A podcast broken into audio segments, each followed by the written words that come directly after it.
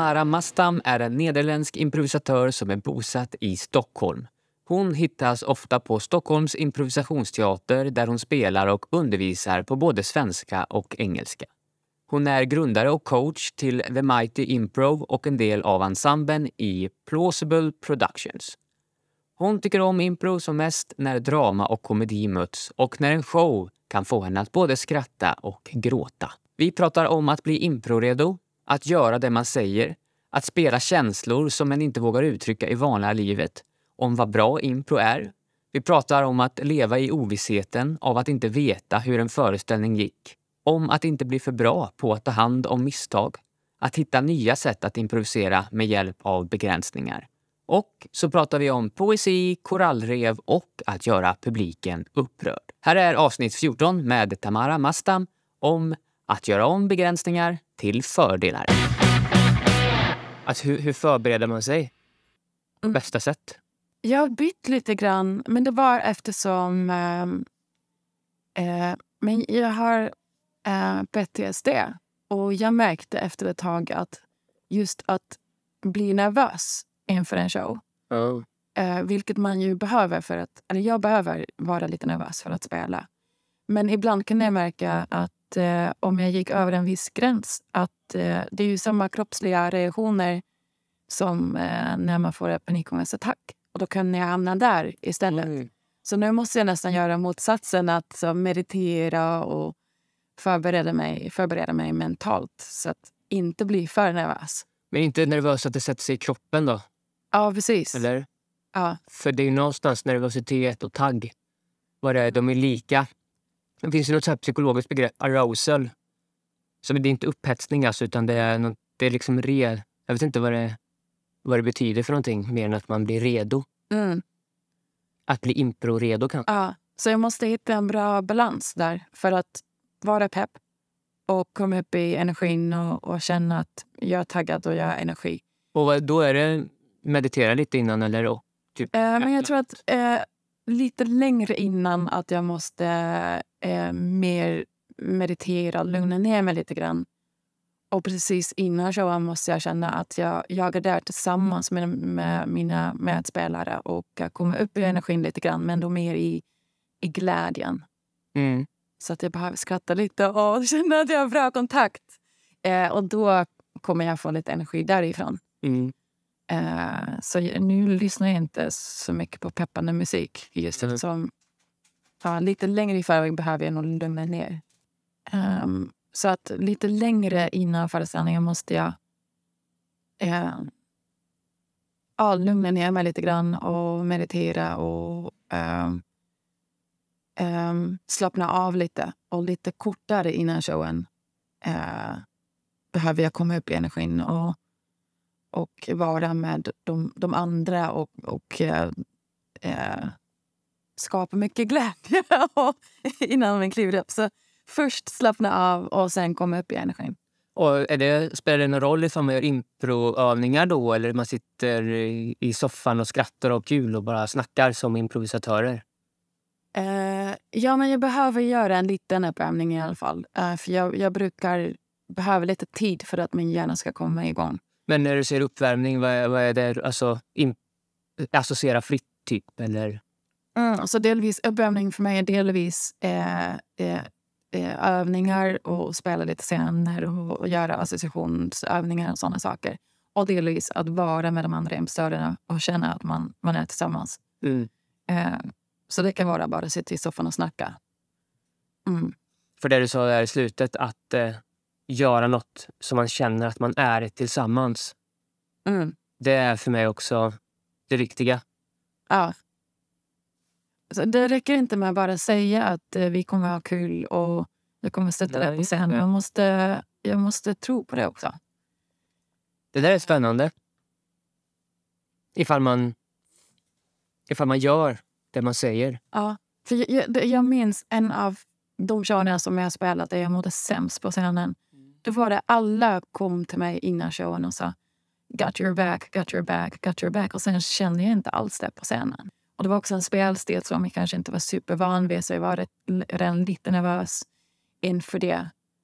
Uh, och sen så kände jag verkligen att ja, men jag, de, jag, jag fick ingen stöd på, på scenen och då känns det lite... Då behöver man inte säga det heller i början. Eller då betyder det ingenting att ha sagt det. Eh, man ska inte säga det, man ska göra det. Påverkades du av det sen? Blev det som ett, eh, lite som ett korallrev som revs upp liksom, som tar lång tid att läka? I tillit? Eh, ja, ja, men lite grann. Jag, jag skulle nog... Eh, jag vet inte om jag skulle tacka ja att spela, spela där igen. Men eh, när du spelar i Sverige eller med andra grupper, blir du påverkad av den erfarenheten då?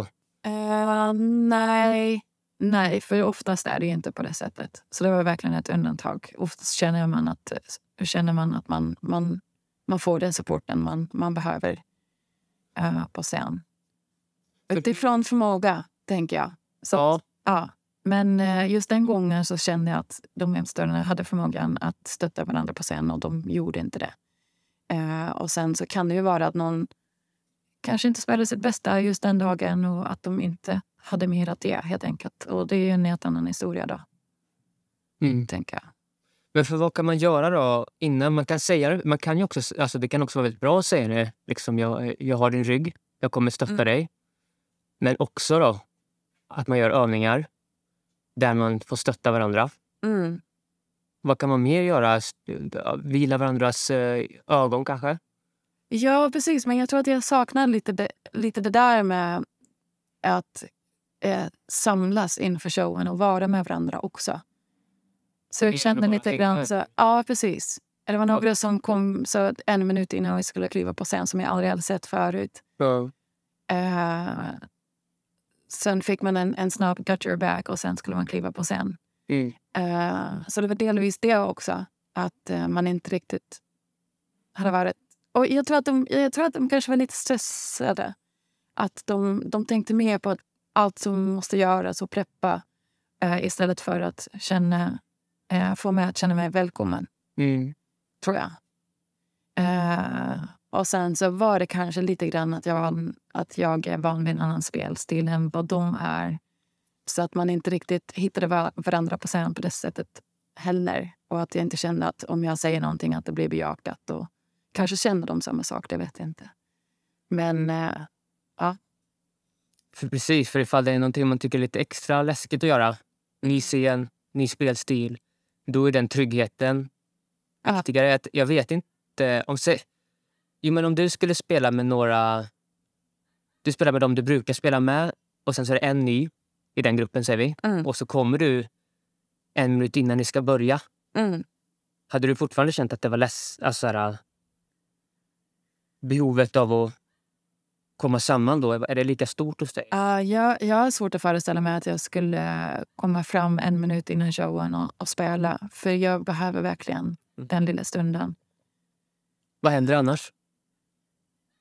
Ja, jag tänkte precis, har jag någonsin varit i den situationen där jag verkligen så kommer fram och att jag direkt måste kliva på scen? Jag tror inte det. Så jag vet inte, men jag, jag kommer nog förmodligen värma upp en halvtimme senare. Så en halvtimme in i showen kanske. Just det. Då kommer det igång liksom. alltså, ja, men nu börjar jag känna att jag, ja. jag kan spela lite. ja, men det är spännande. Jag, jag har inte... Jag har blivit sådär spontant att man har improviserat men inte att jag har kommit till en show som jag vet att jag ska spela en minut innan jag ska spela den och börja spela. Den. Mm. Men nu när vi pratar om det så skulle jag tycka att det var kul att se vad som händer. Hur det förändrar mitt sätt att spela. Mm. Vi pratade om det förut lite ju att eh, och som jag också blev eh, nyfiken på hur, vad var det vi sa, hur begränsningar kan hjälpa en. Hur man kan vända begränsningar till fördelar. Mm. Och då är det ett tankesätt. Eller typ som idag när vi ska spela sen här och, och jag kommer och jag känner mig ja, men ganska förkyld. Så min, jag, jag är orolig för min röst, om den kommer mm. hålla. Hur kan så blir det mycket fysiskt? Ja, men precis. Det, det, och jag vet inte vad det blir, men det jag hoppas... Alltså jag, jag känner mig lite halvsjuk också. Alltså, så att jag, så att det är ändå så här, alltså, vad kan... Varför jag vill spela ändå är ju också för att jag vill se hur mitt hur min spelstil påverkas mm. av att jag är krasslig. Hur, hur förändras jag nu om jag... Jag har spelat förut när jag varit krasslig, men det var ett tag sen. Vad har hänt emellan här nu? Så hur kommer jag spela idag när jag känner mig lite krasslig? Mm. Och vi, liksom, hur kan ens... Eh, ja, men begränsningar, om man kan ha en sån approach till oavsett ja men till varje, liksom, okej nu kommer jag en minut innan vi börjar. Jävlar, det här blir spännande hur jag kommer lira idag. Och sen kanske man gör upptäckten då att shit vad dålig jag var på att hålla ryggen för andra. Jag stöttade skitdåligt. Eller jag kom inte in förrän efter en halvtimme. Då kände jag att jag, okej vad viktigt det är för mig att värma upp. Ja. Så det är ju väldigt bra. Men jag, jag är personligen, nu blir jag väldigt nyfiken på att att prova att göra, ja, men ganska så här, liksom, sätta mig i olika sinnestillstånd för olika föreställningar för att se hur jag ändrar mitt sätt att spela. Ja, det är intressant. Jag, jag minns någon gång, för du, du sa att, du, att din uh, röst är lite sådär idag. Mm. Eh, det var någon gång när jag spelade en show och jag tappade rösten innan showen ganska ordentligt. Eh, och eh, då blev det min karaktär. Så det var, det, det var förbestämt på att jag kommer att spela en karaktär som inte säger så mycket. För jag har inget val. Jag kan inte säga mycket. Eh, och just den begränsningen gjorde att jag hittade något nytt. För det var inte en... eh, Jag brukar inte spela den typen av karaktär. Så det var något... Det var en... en då hittade jag något nytt. Så det var intressant.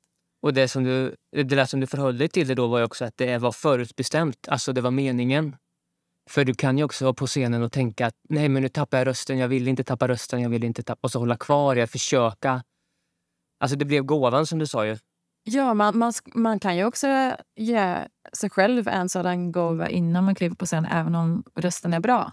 Att säga men jag, jag kommer inte prata så mycket, till exempel. Det kan man göra. Men jag undrar, jag funderar på om det verkligen blir samma då. Det känns som att när det är... För då kan man fuska. Ja, jag kan ju liksom sätta mig i ett tillstånd när jag inte... Jag inte att jag känner mig... Jo, men jag kan tänka att idag ska jag spela lugnt, jag ska vara lugn, jag kan förbereda mig för att vara lugn på scen. Men jag vet inte om jag kommer uppnå samma tillstånd som när jag känner mig liksom lite halvsjuk och krasslig. Mm.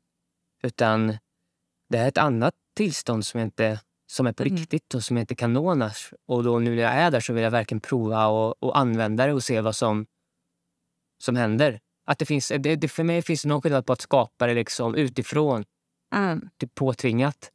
För jag har också gjort så, gett mig begränsningar eller utmaningar eller eh, sådär liksom. Och det hjälper ju också, men det är ju något i bara... För mig handlar det lite grann också om hur man kan hantera, inte begränsningar då kanske, utan mot, motstånd. Blir det som en utmaning för dig själv? Ja, alltså göra om typ eh, förutsättningarna för mig att lyckas idag är, är sämre än vad de är ifall min röst, än ifall min röst är på topp. Mm. Liksom. Men hur kan jag göra så att den sämre förutsättningen, alltså att min röst spricker, att den istället blir en styrka? Och Mm. kan jag ha ett sånt mindset varje gång jag spelar? Jag vet inte, alltså, ja, men typ brutit, brutit armen då, inte kan jag spacework liksom. Som initialt eller i början känns som en väldigt jobbig grej. Mm. Ha, jag kommer inte kunna spela ikväll för jag bröt ju armen igår. Mm. Jävla skit, liksom. Men eh, då hitta något som du gjorde. Det är din röst. Alltså hitta en karaktär. Ja. Men för det som jag blev nyfiken på var ju eftersom, eftersom du inte är, eh, har modersmål och inte svenska. Mm. Hur blir liksom hela språket? För, för det är så det är för mig när jag spelar på engelska. Det blir, det, det blir helt andra nya scener för mig. Det är jättes... Ja, så, så, så är det. Eh, så är det. Och eh, ibland behöver man lite tid att eh, hitta sig själv i impro också på ett annat språk. Jaha. Jag tror faktiskt, för jag började på nederländska, så jag har spelat först på nederländska. Och eh, då, kanske eftersom man har så många minnen och känt så många känslor just när man är, just i det språket.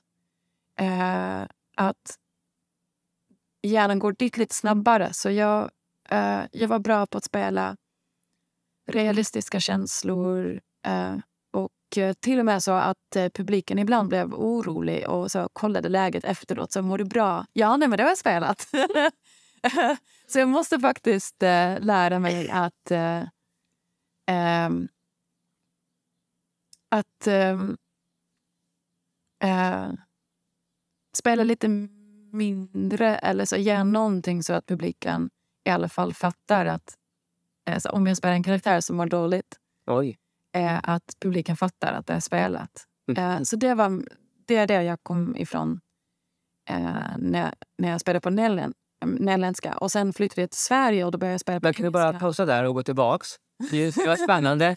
För vi, vi, vi pratar ju om eh, skillnaden på att spela på olika språk och hur begränsningar kan hjälpa en ju. Mm. Men det var spännande det du sa med att du, att du medvetet valde att, in, att inte vara i scenen lika mycket och inte spela lika mycket på känslorna för publiken inte skulle behöva tro att du var ledsen på riktigt. Förstod jag rätt? Ja, eh, så det var inte någonting som jag tänkte på tidigare. Men eh, då var det någon, någon period där jag fick den kommentaren ett par gånger i en ganska kort period.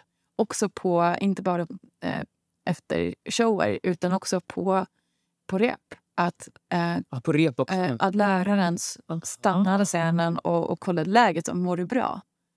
Eh, ja, men det var min karaktär.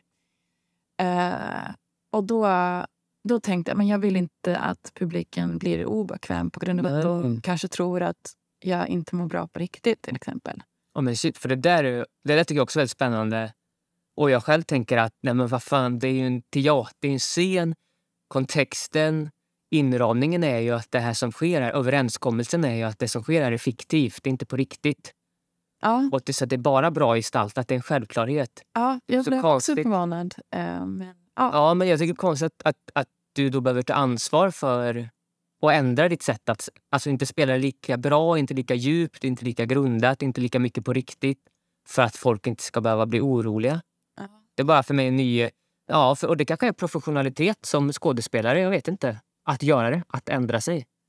Ja, jag, jag, för jag, jag har svårt att föreställa mig att man skulle få samma kommentar om man skulle spela manusteater. Att Ja. publiken kommer till eh, så pratar med, eh, med en skådespelare efteråt och säger mår du bra? För, Även om det är lika bra spelat. liksom. ja, Nej, det, det tror inte jag heller. men jag tror att det är någonting just eftersom det är improviserat och... Eh, Och folk tror då att du på riktigt, riktigt är ledsen nu och typ använder ja, jag tänker ändå att kanske att folk tror att man an, använder sig av sig själv och sina egna erfarenheter på ett annat sätt eh, i improvisationsteater än i manusteater kanske. Att det, det är ändå påhittat i stunden. Så att, eh, jag vet inte, för jag har, jag, blev, jag har blivit förvånad ett, ett antal gånger när jag hör folk säga att men jag har sett den impostören på scen ett antal gånger och eh, de spelar ganska ofta en elak karaktär. Och att de sen eh, ifrågasätter om den personen är, är så... Ja, alltså, alltså, jag vet inte om jag vill bli vänner med den personen. Så, men, det, men det är ju Mm. det, det, det, det är på scen. Det är inte som den personen är på riktigt. Men tror du att det ligger någonting eh, i det då? Alltså ändå att man spelar karaktärer eller känslor som man antingen har, inte, har, inte tillåter sig uttrycka i vanliga livet.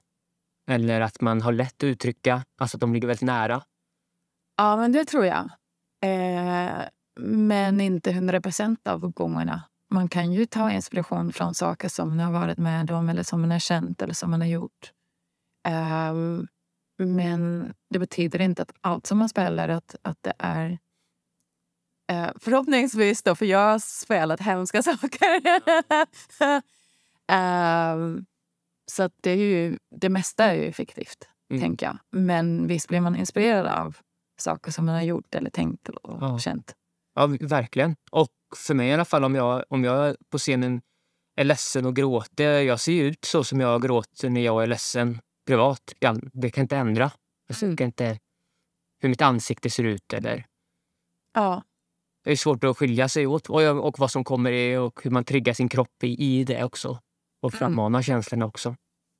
Ja, det är en spännande, spännande tanke det där med att, eller som jag tänkte i alla fall, att eh, det kanske är att man om man är mer professionell, om man tar hänsyn till publiken som är oroliga för att det är på riktigt eller inte. Jag tänkte för mig var det så himla så här, nej men för fan, det kan vi inte göra. ja, De får skärpa sig nu, publiken.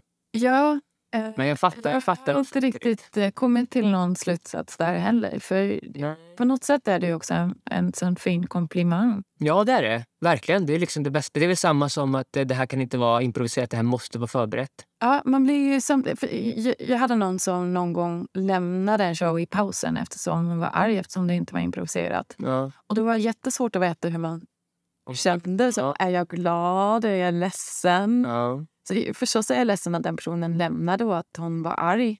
Samtidigt som jag nästan ville säga tack så mycket för komplimangen. Hur? Men frågan är också där, nu spårar vi ännu vidare här, men ifall man inte vill, vill man göra det så bra så att folk inte tror att det är improviserat. Även om, man fakt även om det är improviserat, om man säger att det är improviserat. Ja, Vill man inte se impron också?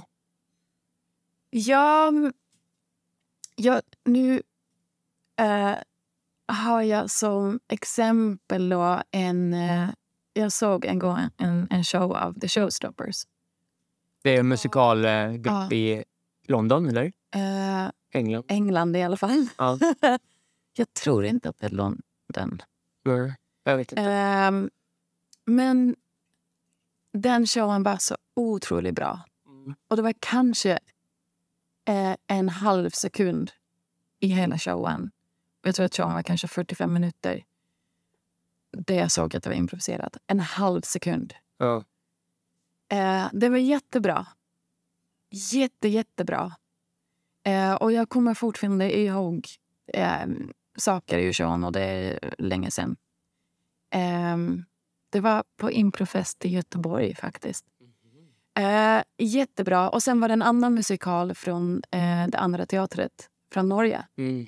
Där det var tvärtom. Man såg att det var improviserat. Det blev misstag. Mm. Och eh, De skämtade lite, i grann, alltså, lite ibland om, eh, eh, om saker som hände på scenen där man såg att det är improviserat. Eh, och Det var på samma festival. Och Den showen var också jättebra. Mm. Eh, Jättebra. Jag skrattade och jag grät. Och jag föredrog nog showen där jag såg att det var improviserat. Just eftersom jag kände att det händer nu tillsammans med oss. Eh, tillsa- Tillsammans med oss. Så mycket och det andra hände ju också nu tillsammans med er. Ja, Man kände det inte. det var, man kände kanske lite mer eh, avstånd ändå. Mm. Eh, för man fick verkligen manusteaterkänsla. Mm. Eh, men det var jättebra. Och jag skulle inte säga att de, de behöver... Nej men det enda som jag kanske kan säga om den showen som såg ut att vara en manusteater, att de kanske borde, om de är så duktiga, för det, det är de, om de är så bra, behöver de kanske ta större risker Mm. och utmana sig själv lite mer. För om man kan spela en show som verkligen ser ut som manusteater, eh, då kan man kanske ta det ett steg vidare. Mm. Eh, Så det är mer det. Att det är ingen, så showen var jättebra.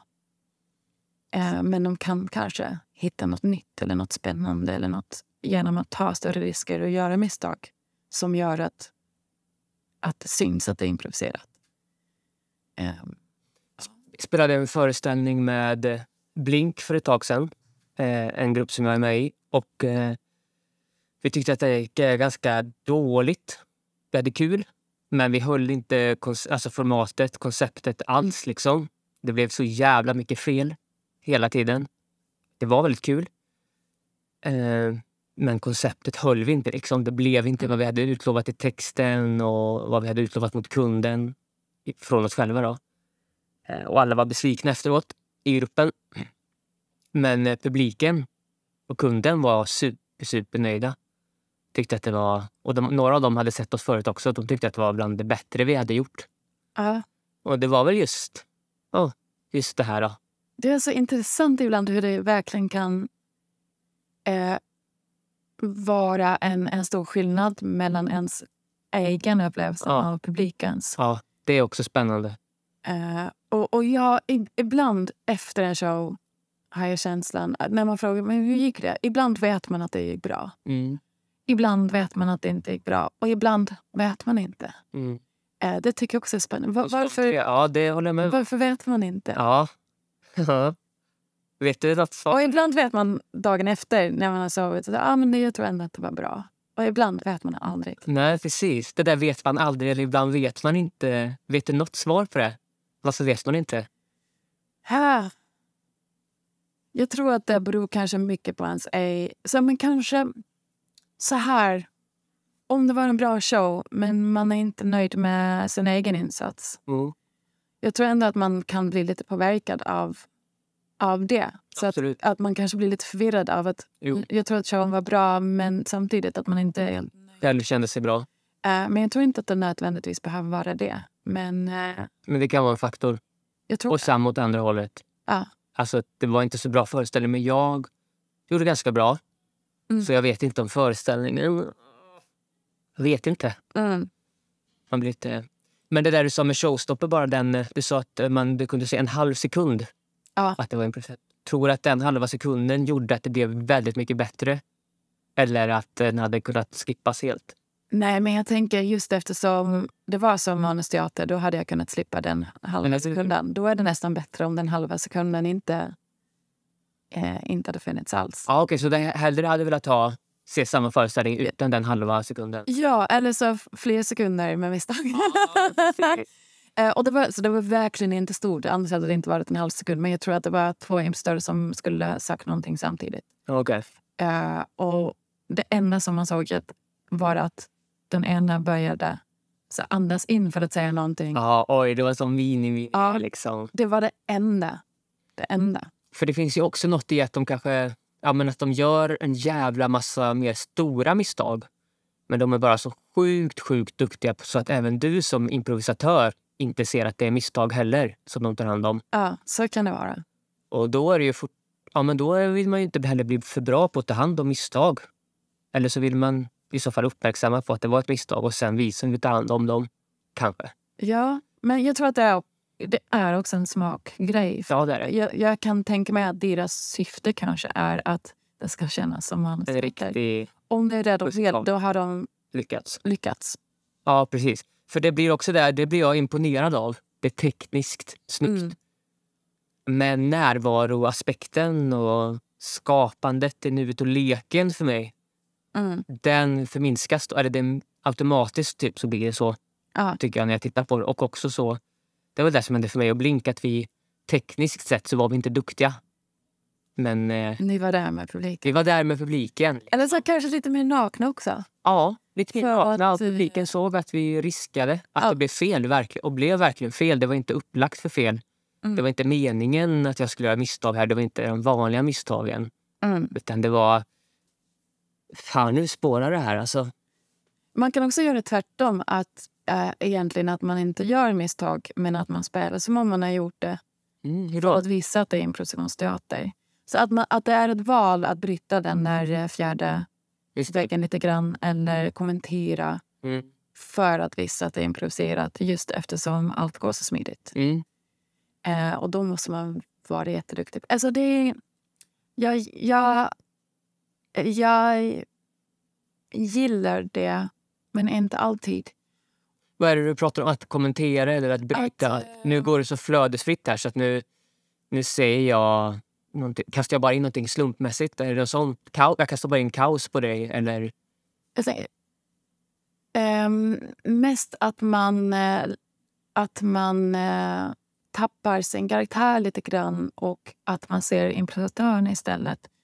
För det är ju kanske lite det som händer när man gör misstag. Ja. Att man ser improvisatören. Mm. Men om man gör det medvetet. Mm. Eh, Visar improvisatören medvetet eller? ja, men... Ja, precis. Ja, Okej. att, att, att man kanske eh, inte håller sin roll. Eh, det måste man förtjäna, tycker jag. Mm. Man måste förtjäna att visa sig som improvisatör, eller? Eh, ja, så antingen att, att, eh, att man eh, blir förvånad eller att det händer någon, Ja, Någonting. Man blir överraskad kanske. Man blir överraskad om man ser det som... Eller man bryter kanske. Då är det genuint. Ja. Om det inte är genuint, om man gör det eftersom det är den stilen som man är ute efter eh, då, då är jag oftast inte lika förtjust i det. Nej, jag fattar. Eh, och då måste Ah, man klart. förtjäna det så att det passar formatet eller spelstilen på ett sätt som, som gör att, att jag köper det. Vad tycker du om Middleditch the Shorts på Netflix? Har du sett dem? Eh, nu har jag ingen aning vad du sa. eh, på, på Netflix så finns det en, en duo. ah, what- ah, just det. Jag försökte, jag försökte höra något svenskt ord och jag kände det blev angjort. eh, De gör ju så ganska mycket. ja, Eller, gör, eller bara för att jag ska förstå, gör de... Tycker du på... Det är deras stil, tänker jag också. Ja, Och kommentera varandra. Det där får du rättfärdiga Det var du som tog in Alien, nu är det du som får förklara Alien, säger de exempelvis. Nu var det länge sen jag tittade. Uh, Men de busar Så- mycket med varandra i det där improvisatörspratet också. ja. Ehm, om jag minns rätt, men det var för när jag såg det för tre, tre fyra år sedan kanske. Mm. Ehm, men om jag minns rätt så tyckte nog att de gjorde det lite för mycket. Okej. Kanske. Mm. Men att jag tyckte att det var kul, men lite för mycket. Mm. Tror jag. Mm. Ja, för det är också en smaksak, tänker jag. Mm. Som sak. Men det är klart att det, ifall man forcerar in det Mm. så blir det, blir det på ett annat sätt. Och jag håller med om att det genuina är... eh, Det är när det uppstår genuint är det roligaste. Och speciellt när man försöker hålla, fort, hålla karaktär, hålla karaktär. Man ser typ att den eh, improvisatören sipprar igenom. Ja. tycker jag själv är väldigt kul. Eh, ja, men precis det. När det händer genuint. Att man, ehm, att man skrattar på scen för att man måste. Mm. För att man inte inte kan skratta. Då tycker jag om, om det. Hur tycker du, hur tycker du det är att bli inramad då av den andra? Så att vi spelar en scen någonting, och så börjar du skratta som improvisatör. För att vi- det blir ett misstag eller du blir överraskad.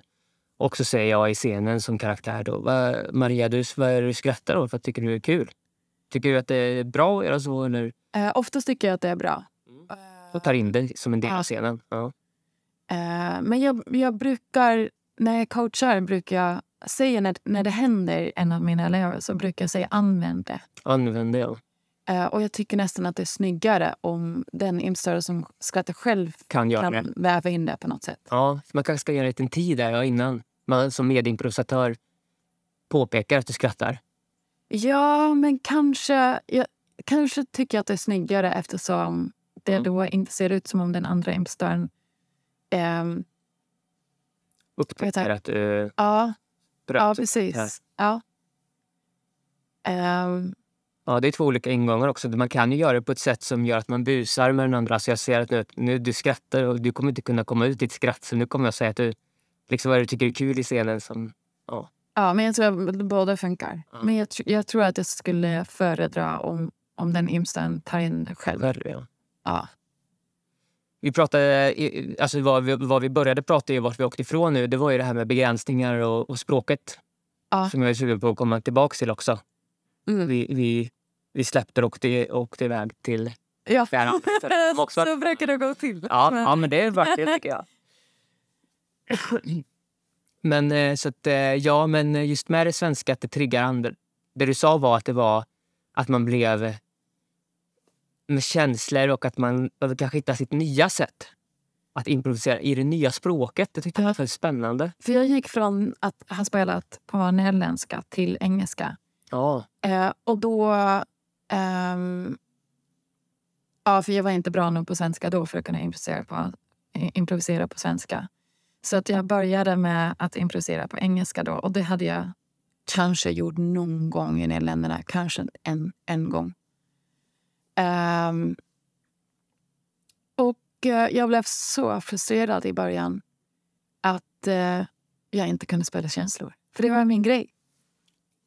Och det var så spännande. Och jag fattade ingenting och allt kändes fake. Och, eh, och jag kom till läraren också. Att, för, för han, det var också den kritiken som jag fick. Att men jag tror inte på dig. ja. Alltså, men, och det var rena motsatsen av det som jag hade i Nederländerna. Att det, var, att det kändes för äkta. Och jag blev så frustrerad. Men jag kan det här. Jag fattade ingenting. Och efter ett tag så började jag förstå att det är eftersom... Eller jag trodde att det var eftersom inte hade känt de känslorna eh, på engelska. Jag, jag hade ingen tillgång till de minnena eller till, de, till den delen av hjärnan, kändes det som, på engelska. Eh, och det kom lite senare när jag började eh, skapa fler minnen på engelska eftersom jag, jag bodde i Sverige och eh, i början hade jag bara engelsktalande vänner. Ehm, och då kom det, eh, ja, efter ett tag, att eh, det blev lättare att spela känslor. Och det blev jag jätteförvånad över. Ja, för jag tycker det låter så konstigt eftersom eh, känslor är bara är... eh, Det, det har inget, man kan ju verbalisera, sätta ord på känslor men känslorna i sig är ju bara... Och det är så konstigt att de är kopplade till ett språk men som de då uppenbarligen för dig har varit. Jag förstår Mm. att de kan vara kopplade alltså, i situationen, kanske att gå in i hur reagerar jag? För då översätter du inte till nederländska. Man? Eh, ja, precis. Utan det blir bara... Det blir ett engelskt ord och det, det händer ingenting med mig. Eller? Som det, Jag tror, det, jag tror att det var så. Happy birthday, here's the cake. Och så istället för att bli glad så låtsas jag bli glad då, eller? Ja, nästan så var man måste...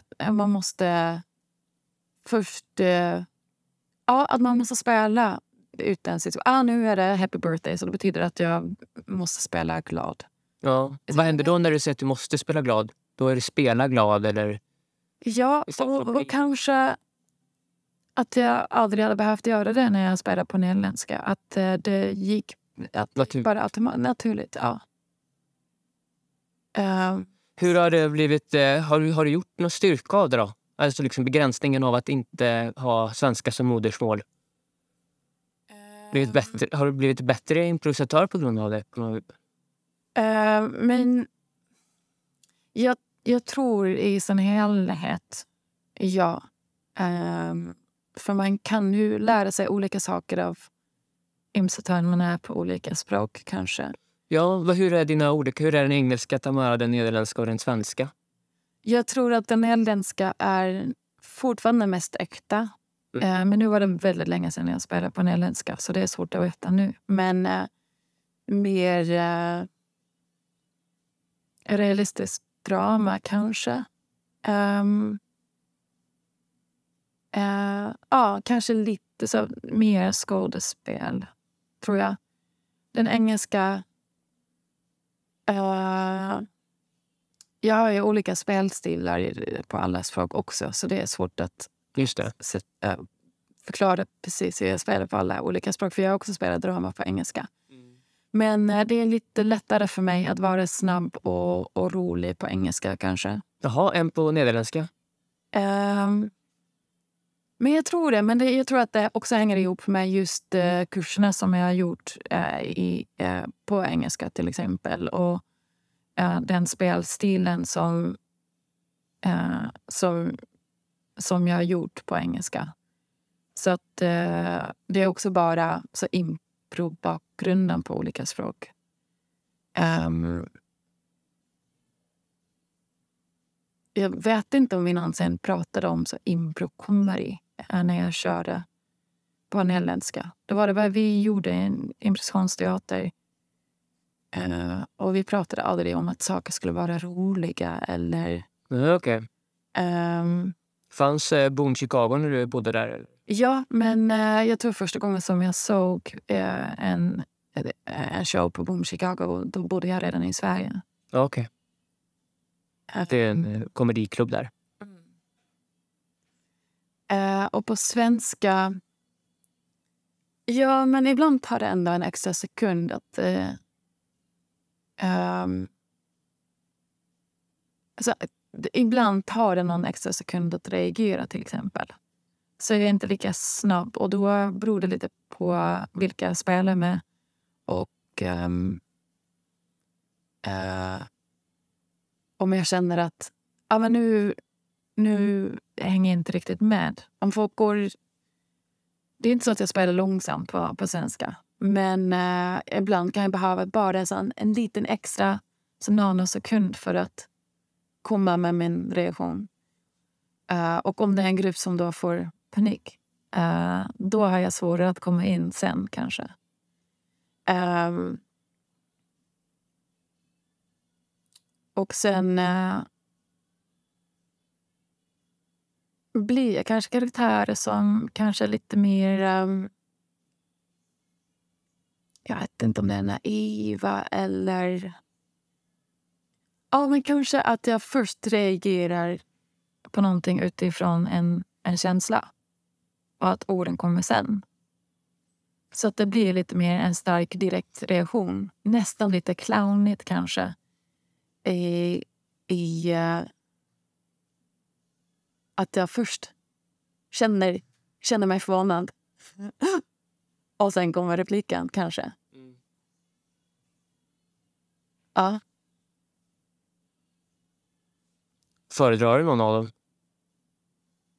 Ehm, jag tror att jag känner mig mest hemma när jag spelar på, på engelska. Ehm, men... ehm,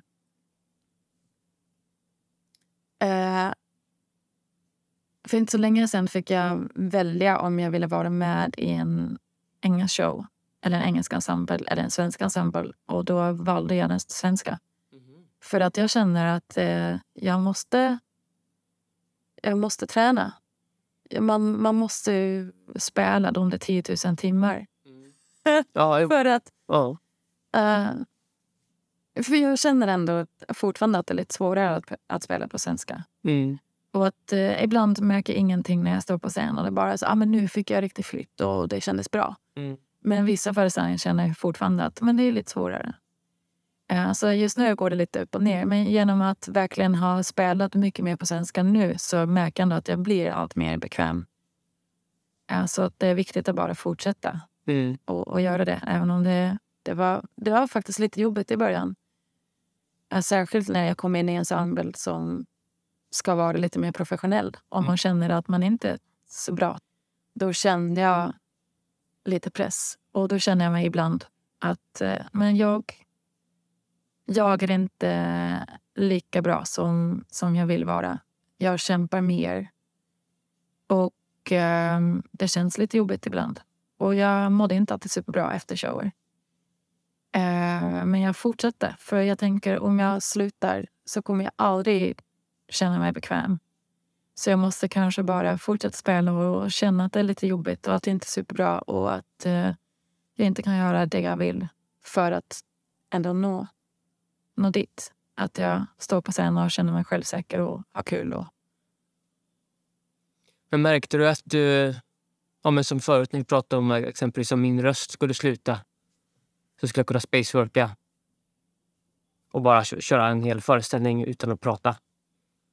Fick du andra fördelar på grund av att du var, alltså, i efterhand nu, så här, nu, för nu tänker jag att du, även om du säger att liksom, du skulle föredra att spela på engelska så tänker jag att du fortfarande kan, att, att du kan spela på svenska nu att nu är du ganska bekväm i det. Det vet jag inte. Men nu, nu är det inte som det ja, för säkerhet. Nej, men eh, att det liksom också kom...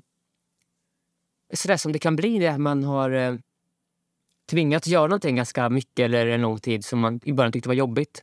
Och sen så efteråt så kan man fatta att ah, men shit vad bra att det var att jag fick göra det där eh, jobbiga. För nu tack vare det så har jag lärt mig att bli mycket mer uttrycksfull och använda miken mycket mer när jag pratar för att förstärka. Mm. För att jag kan inte göra det med ord längre så jag behöver förstärka med... Eftersom jag brister i mitt vokabulär så behöver jag förstärka på andra sätt. Har det liksom sådana fördelar typ? Eller? Jag har tänkt på det ibland. för Folk säger det så ofta att eh, ah, nej, men om man spelar på ett annat språk så, så att man upptäcker andra saker eller Ja. att man måste lita på andra saker mer. Så, som att vara mer fysisk eller som att spela känslor och så sådana lita på att sina medimprovisatörer tar hand om felen också. Men jag vet faktiskt inte om, eh, om jag kände... Jag kände mig bara sämre. Ja. Men jag tror att jag har lärt mig någonting eh, på ett annat sätt. Att kunna släppa, släppa den prestationen kanske lite mer och våga... En sak som jag tror många tycker är är jobbigt att göra är att stå på scen och säga att man inte vet vad någonting betyder till exempel. Och det gör jag Ja, kanske... att, att man är på scenen och sen så säger medimprovisatören någonting och du vet inte vad ordet betyder. Och att du då frågar vad betyder det? Eller, Ja, så om det verkligen är ett, Ja, ett och det är ord i, Ja. i en scen som jag måste förstå, då kan jag fråga det. Och som kanske är ett ganska vanligt ord då.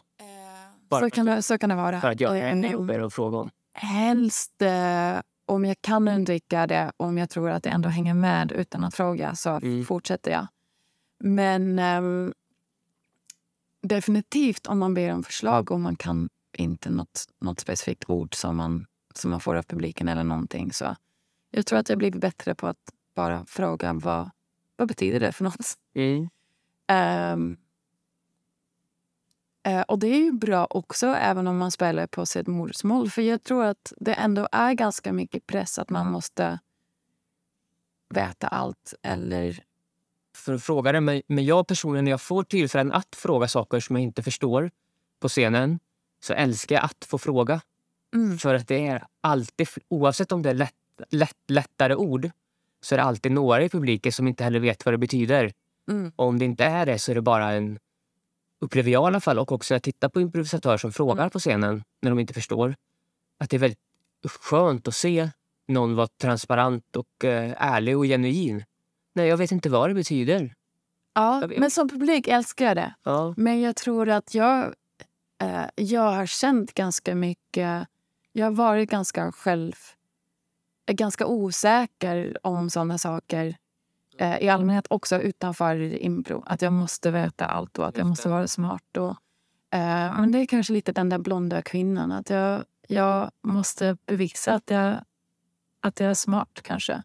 Så att det har varit lite läskigt att fråga att, eh, att fråga vad någonting betyder är att erkänna att man inte vet. Mm.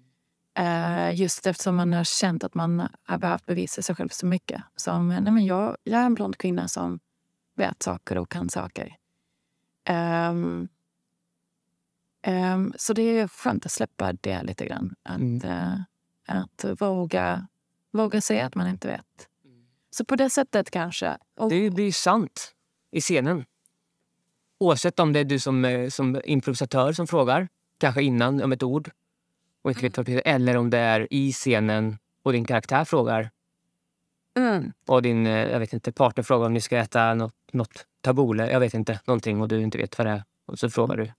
Och, sen det, det, och det handlar inte bara om att våga be om vad någonting betyder eller erkänna att man inte vet utan också att kanske just eftersom eh, det, det in, att det inte är perfekt när jag spelar på svenska. Jag kommer att göra fel med språket eh, i den här podden också. Och uttalet kommer inte vara perfekt.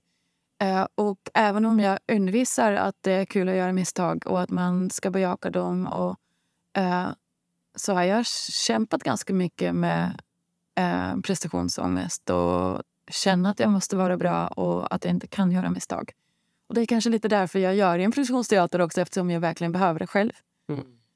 Så att eh, det är kanske det som svenskarna har gett mig, eller så impro på svenska har gett mig mest. Att jag kommer att göra fel, jag kommer att säga fel ord och, och bara eh, inte känna någon ångest över det. Ja, ja, det var en show nyligen där jag ville säga talesperson eller talesman eller någonting och jag, såg, jag sa förespråkare och då blev jag förespråkare. ja, det var ju askul. Och eh, det var också bra för att mina medspelare bejakade det Ja. 100 Ja, procent. det var ju väldigt roligt. Eh, och, och det var först efter showen som jag... Alltså, jag, nej, jag, jag hade någon känsla på scenen att jag tror att det är fel ord. Ja, Men jag tror att alla fattar vad jag menar. ja, Så vi kör. ja. Eh, och det passade faktiskt ganska bra för jag var ett barn, jag var fem år gammal som, som, skulle, vilja, som skulle bli talesman. Då. Mm. Eh, och då, är det, då passar det ganska bra att det barnet som är fem år gammal använder fel ord. Mm. För man, man skulle kanske inte kunna det ordet när man är fem år gammal. Ja. Eh, så att... eh, eh, på det sättet blir man nästan uh, tvingat att eh, inte bara lära ut att man ska vara glad över misstag och våga göra fel utan jag har inget val. Nej. jag kommer göra misstag. Och de blir väldigt tydliga där i Ja. språket. Ja. Eh, och den här föreställningen som jag pratade om förut som jag och min eh, grupp Blink gjorde när det blev väldigt mycket kaos och vi inte höll formatet och strukturen. Den var på engelska. Mm. Och anledningen till varför vi kaosade ur så mycket var på grund av att den var på engelska. Mm. Så vi sa fel hela tiden, vi sa fel ord och vi, vi bara famlade runt liksom. Mm. I det. Och, men tog hand om det, försökte ta hand om det. Mm. Och det blir något väldigt härligt i det. Men det som jag upplever händer när man improviserar på ett annat språk än sitt modersmål då, framförallt är väl eller att man inte behärskar språket så bra, är ju att det blir, att det blir väldigt, väldigt mycket mer misstag. Och Mm. det är också det som är gåvan i det hela. Mm. Det var jättekul, en, en rättegång och sen så är det en förespråkare där. Ja. Och om man liksom tar det på allvar, okej det är fan en förespråkare med oss. Och att alla behandlar det på riktigt. liksom. Mm. Så det, det är verkligen så eh, komiskt guld, liksom. Eller Ja, comedy gold, att man får...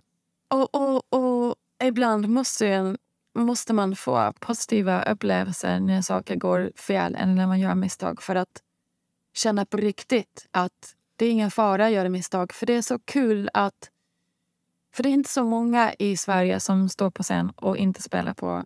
Alltså de flesta som spelar på svenska har svenska som modersmål. Det är verkligen inte många som, som gör det. Och särskilt på mer professionella scener. Eh, kan jag vara den Ja, jag vet inte. enda? Ja. Eh, nu hoppas jag inte att jag glömmer bort någon jätteviktig person. Eh, men det är så, oavsett, det är inte så många som, som spelar på svenska som inte har svenska som modersmål. Så jag tror att det också är bra för publiken att se. Mm. Eh, jag hoppas att jag inspirerar folk att kanske våga eh, testa att spela på svenska.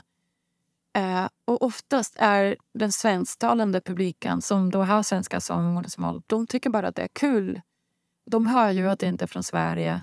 Och oftast blir de nyfikna. Eh, försöker så att tänka, var, var kommer hon ifrån? De gissar aldrig rätt. Men de tycker att det är jättekul att jag står på scen och spelar på ett annat språk. Mm. Så då får man bara positiv eh, feedback efteråt också. Vilket också gör att man blir bekräftad i, men just ja, men det, det stämmer faktiskt att det, det är inte så farligt att göra misstag. Mm. Eh, så det, det är kanske mest, eh, mest av allt är det terapi kanske. Ja, så kan, absolut. Ja, och att man... eh, Det är väl helande på något sätt. Och hjälpande och stärkande. Men det händer något också ifall, säg att alla i...